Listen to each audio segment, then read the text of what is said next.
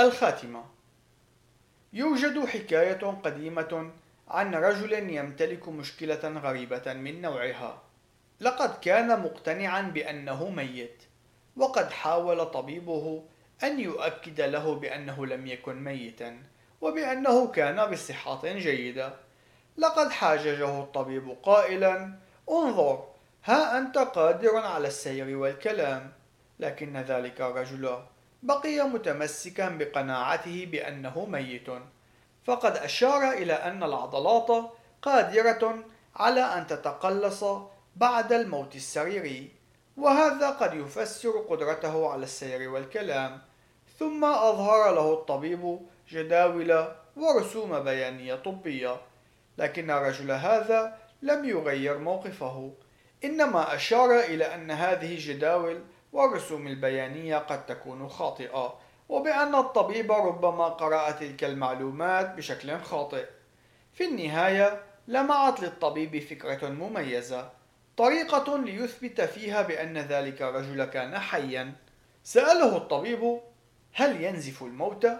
فأجاب الرجل لا الأشخاص الموتى لا ينزفون. فأخذ الطبيب إبرة صغيرة ووخز بها يد الرجل. فخرجت نقطة صغيرة من الدم وقال الطبيب أترى هذا؟ حينها أجاب الرجل حسنا أعتقد الآن أن الموتى ينزفون أيضا هل امتلك الطبيب أدلة تدعم موقفه؟ بالطبع لقد فعل لكن ذلك الرجل لم يقتنع بالأدلة لأنه قد امتلك افتراضات مسبقة خاطئة وقد كان قادرا على اختراع أجهزة إنقاذ مختلفة تتناسب مع جميع الأدلة التي قام الطبيب بتقديمها. إن مقاربة الطبيب لم تكن فعالة لأنه قد فشل في تقدير قيمة الرؤى للعالم. إن الأدلة المجردة ليست كافية. لقد كان يتوجب على الطبيب أن يتحدى الرؤية التي يمتلكها ذلك الرجل للعالم. لقد كان يتوجب عليه أن يسأل ذلك الرجل عن سبب قناعته بأنه ميت. لقد كان الطبيب بحاجة لأن يمتلك فهما أفضل للرؤية التي امتلكها الرجل للعالم وهذا الأمر كان مكنه من تقديم نقد داخلي لها عوضا عن تقديم الأدلة المختلفة له. إن الجدل حول الأصول هو قياس مشابه لهذه الرواية فالخلقيون والتطوريون عادة يتكلمون متجاوزين بعضهم البعض.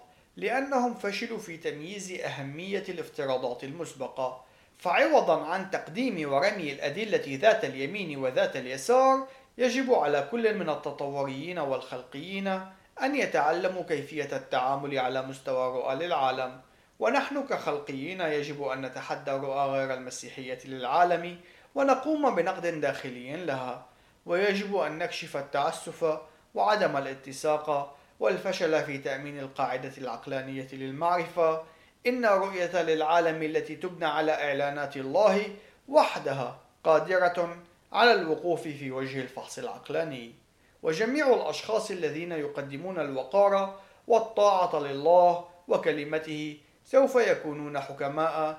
أما أولئك الذين يرفضونها سوف يهبطون إلى درجة من الجهالة. يسوع المسيح قد أكد هذا المبدأ الحيوي في متى 7 24 إلى 27 اقتباس فكل من يسمع أقوال هذه ويعمل بها أشبهه برجل عاقل بنى بيته على الصخر فنزل المطر وجاءت الأنهار وهبت الرياح ووقعت على ذلك البيت فلم يسقط لأنه كان مؤسسا على الصخر وكل من يسمع أقوال هذه ولا يعمل بها يشبه برجل جاهل بنى بيته على رمل فنزل المطر وجاءت الأنهار وهبت الرياح وصدمت ذلك البيت فسقط وكان سقوطه عظيما. نهاية الاقتباس. وحدها الرؤية التي تؤسس على الصخرة التي هي كلمة الله ستقف صامدة. عنوان الصراع بين رؤى للعالم. يوجد نوع من الحرب التي تستعر في العالم في يومنا راهن إنها حرب الأفكار. إنه صراع بين أصحاب السيادة. فنجد جانبا يجادل بأن الله الذي أعلن عن ذاته في الكتاب المقدس وحده قادر على تأمين الأساس للحقيقة والمنطق. والجانب الآخر يجادل أن الناس المنفصلين والمستقلين عن إعلانات الله قادرون على تحديد الحقيقة. المشكلة التي تعصف بجميع رؤى العالم التي تعتمد على استقلالية التفكير المنطقي للذهن البشري هي أن الذهن البشري غير قادر على إتمام هذه المهمة. فالبشر يمتلكون خبرات محدودة وعاجزون عن التفكير بشكل سليم بشكل دائم. وبالتالي فإنه في حال البعد عن الله كيف سنكون قادرين على أن نمتلك معرفة مطلقة عن أي شيء؟ بالاعتماد على معرفتنا المحدودة كيف يمكن أن نكون متيقنين من عدم وجود أي حقائق غير مكتشفة قادرة على دحض كل ما نعتقد بأننا نعرفه؟ إن كنا نخترع معيارنا الأعلى للحقيقة كيف لنا أن نجادل بأنه معيار سليم؟ إلا أن طبيعة الله كلية الاختلاف عن طبيعتنا فهو لا يعاين ليتعلم عن الكون بالطريقة التي نفعل نحن بها ذلك فهو ليس محدودا مثلنا. الله بحكم طبيعته كلي المعرفة وبالتالي فهو الوحيد الذي يقف في موقف يمكنه من أن يكون متيقنا من أي شيء وذلك بناء على سلطانه. والله قد أعلن عن البعض من معرفته من خلال كلمته. ولذلك فإنه لزام علينا أن نتعلم كيف نقوم تفكيرنا ليتوافق مع إعلانات الله وندحض جميع أولئك الذين يتحدون خالقهم. رسالة كورنثوس الثانية عشر 3 إلى 5 تقول هذا عن الحرب الدائرة بين رؤى العالم اقتباس لأننا وإن كنا نسلك في الجسد لسنا حسب الجسد نحارب. إذ أسلحة محاربتنا ليست جسدية بل قادرة بالله على هدم حصون هادمين ظنونا وكل علو يرتفع ضد معرفة الله ومستأسرين كل فكر إلى طاعة المسيح. نهاية الاقتباس. إن مفتاح النصر هو أن نسلم أفكارنا لطاعة المسيح. رسالة رومية 12 تقول لنا بأننا يجب ألا نكون على شاكلة هذا الدهر إنما يجب أن نتغير ونجدد أذهاننا في المسيح. إن دفاعياتنا ليست مجرد دفاع عن الرؤية التوراتية للعالم إنما هي تطبيق لها. من خلال معرفة أن الخوف المقدس من الله هو رأس المعرفة نستطيع أن نكشف عبثية المواقف الرافضة للإله الذي أعلن عن ذاته في الكتاب المقدس وبأن ذلك يقود إلى الجهالة. إن هذا لا يجب أن يتم بطريقة فظة أو ساخرة، إنما يجب أن يتم دوما بروح الوداعة والاحترام للمعارضين لنا. فهؤلاء المعارضين لنا هم مخلوقين على صورة الله أيضا، وبالتالي فإنهم يستحقون أن ينالوا كل الاحترام والكرامة، ويجب أن نتذكر دائما أننا في يوم من الأيام كنا معارضين وناقدين. إن أولئك الذين يجادلون ضد الإله الذي أعلن عن ذاته في الكتاب المقدس هم يحاربون الشخص الوحيد القادر على إنقاذهم وتخليصهم من المصير الذي نستحقه جميعا. وهو الجحيم الأبدي. إضافة إلى أن المعترضين يحتاجون لأن يستعملوا المبادئ التوراتية في سبيل أن يكونوا قادرين على أن يجادلوا ضد الكتاب المقدس. إن المعترضين يعارضون أنفسهم في الحقيقة. لذلك يجب أن نقوم بتصويب وتصحيح هذا الأمر بوداعة ومحبة. مصلين إلى الله أن يعطي التوبة. رسالة تيموثاوس الثانية 2 24 إلى 25 تقول التالي اقتباس وعبد ربي لا يجب أن يخاصم بل يكون مترفقا بالجميع صالحا للتعليم صبورا على المشقات مؤدبا بالوداعة المقاومين عسى أن يعطيهم الله توبة لمعرفة الحق. نهاية الاقتباس. نحن يجب أن نقوم بدحض التطوريين وذلك لمصلحتهم. إن هذه ليست مجرد مباراة أكاديمية فنحن نريد للناس أن يخلصوا. العديد من المسيحيين يودون الحصول على تلك الرصاصة الفضية أي الحصول على دليل علمي قادر على إثبات رؤية المسيحية للعالم بطريقة حاسمة وغير قابلة لأن يتم تفسيرها بطريقة مخالفة. لكن جميع الأشخاص يفكرون مستعملين رؤية ما للعالم. وبالتالي فإنهم وبشكل دائم سوف يقومون بتفسير أي دليل علمي أو تاريخي بشكل يتوافق مع رؤيتهم للعالم وفي ضوء معيارهم الأعلى. لهذا السبب فإن رصاصة الفضية أي مقاربة الأدلة أولا ليست سليمة منطقيا. وبالرغم من أن بعض الأشخاص سوف يقتنعون بين الحين والآخر من خلال جدل سيء. إلا أن المسيحيين يقعون تحت لزام أخلاقي بأن يجادلوا باستخدام الحقيقة. وإن كنا صادقين فيجب أن نعرف أن الكتاب المقدس لا يمكن أن يتم إثباته من خلال مقاربة الأدلة. أولا على اعتبار أنه يجب أن يتم افتراض صحة الكتاب المقدس. أولا في سبيل القدرة على تقديم أي تفسير عقلاني للأدلة.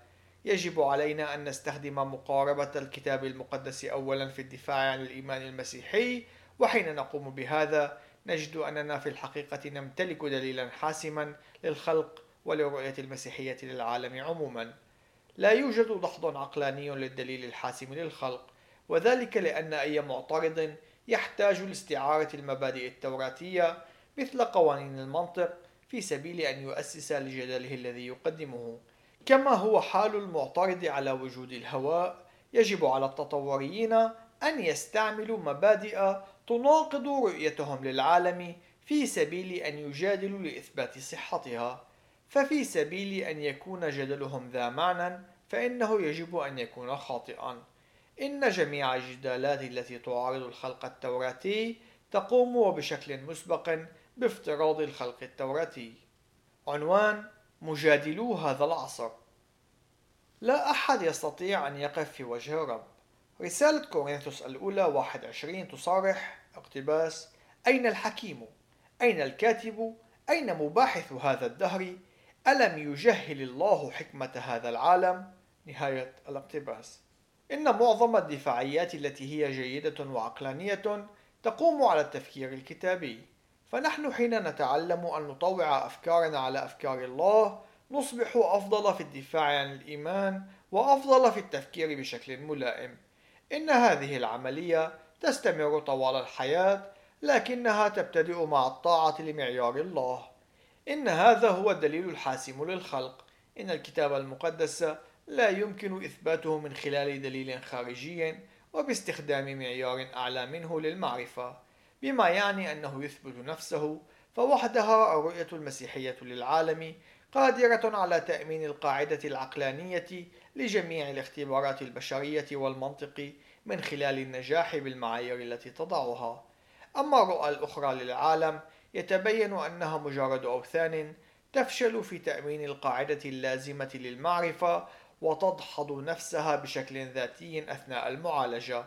إن الخلق التوراتي يثبت من خلال حقيقة أنه في حال لم يكن صحيحا لن نكون قادرين على إثبات أي شيء. من المؤكد أن المعترضين سوف لن يعجبوا بهذا الجدل سوف يحاولون رفضه على قاعدة أنه فلسفي أو أنه ليس جدل جيد لكنه لن يكون ممكنا أن يقوموا بدحضه وهذا هو المفتاح الذي يجب أن ندرك أننا نمتلكه. ويجب أن نتذكر أن واجب المسيحي ليس أن يفتح قلوبهم فروح القدس وحده قادر على فعل هذا الأمر. إن واجب المسيحي هو أن يسد أفواههم من خلال تقديم جدل جيد للدفاع عن الإيمان. إن الدليل الحاسم هو جدل غير قابل للدحض لرؤية المسيحية للعالم. أصلي أن يكون هذا الكتاب مساعدا للمسيحيين في الدفاع عن إيمانهم. لقد تعمدت التأكيد على الدفاع عن سفر التكوين على اعتبار أنه الأساس لجميع أسفار الكتاب المقدس وجميع التعاليم المسيحية الرئيسية تعتمد على سفر التكوين التاريخي. سواء كان ذلك الاعتماد بشكل مباشر أم غير مباشر كما أن سفر التكوين أمس واحدا من أكثر الأسفار التي تتعرض للهجوم بين أسفار الكتاب المقدس. ولذلك فإنه من المهم أن نكون قادرين على الدفاع عن سفر التكوين بالطريقة عينها التي نستطيع أن ندافع عن الأسفار الخمسة والستين الأخرى. إن دفاعنا عن الإيمان لا يأتي من خلال معرفة عدد أكبر من الأدلة العلمية والحقائق التاريخية من بقية الناس. بالرغم من قناعتي الكاملة بأن تلك المعرفة هي أمر جيد وتظهر لنا كيفية توافق تلك الأدلة في حال تم تفسيرها بشكل جيد مع سفر التكوين. إجابات في سفر التكوين وعدد آخر من المواقع التي تعمل على تأمين عدد من الموارد لتلك الغاية، لكن العلم ليس قاعدة دفاعنا عن الإيمان، وليس أن دفاعنا عن الإيمان يعتمد على التعليم الرسمي أو الدرجات الأكاديمية.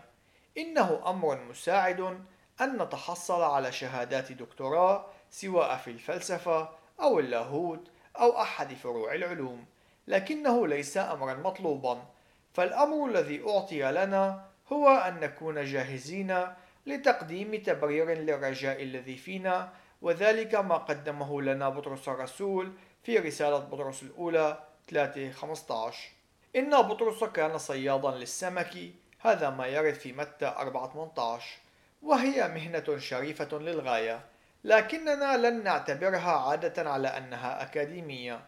إن دفاعنا عن الإيمان يأتي من تمارسنا على الدفاع باستعمال الطرق الكتابية إذ أن الله هو منطقي ولذلك فنحن أيضا يجب أن نكون كذلك. والله يقول لنا بأن كل المعرفة تصدر عنه كما يرد في كولوس 2 2 إلى 3 وبالتالي يجب علينا أن ندرب أنفسنا على تمييز هذه الحقيقة.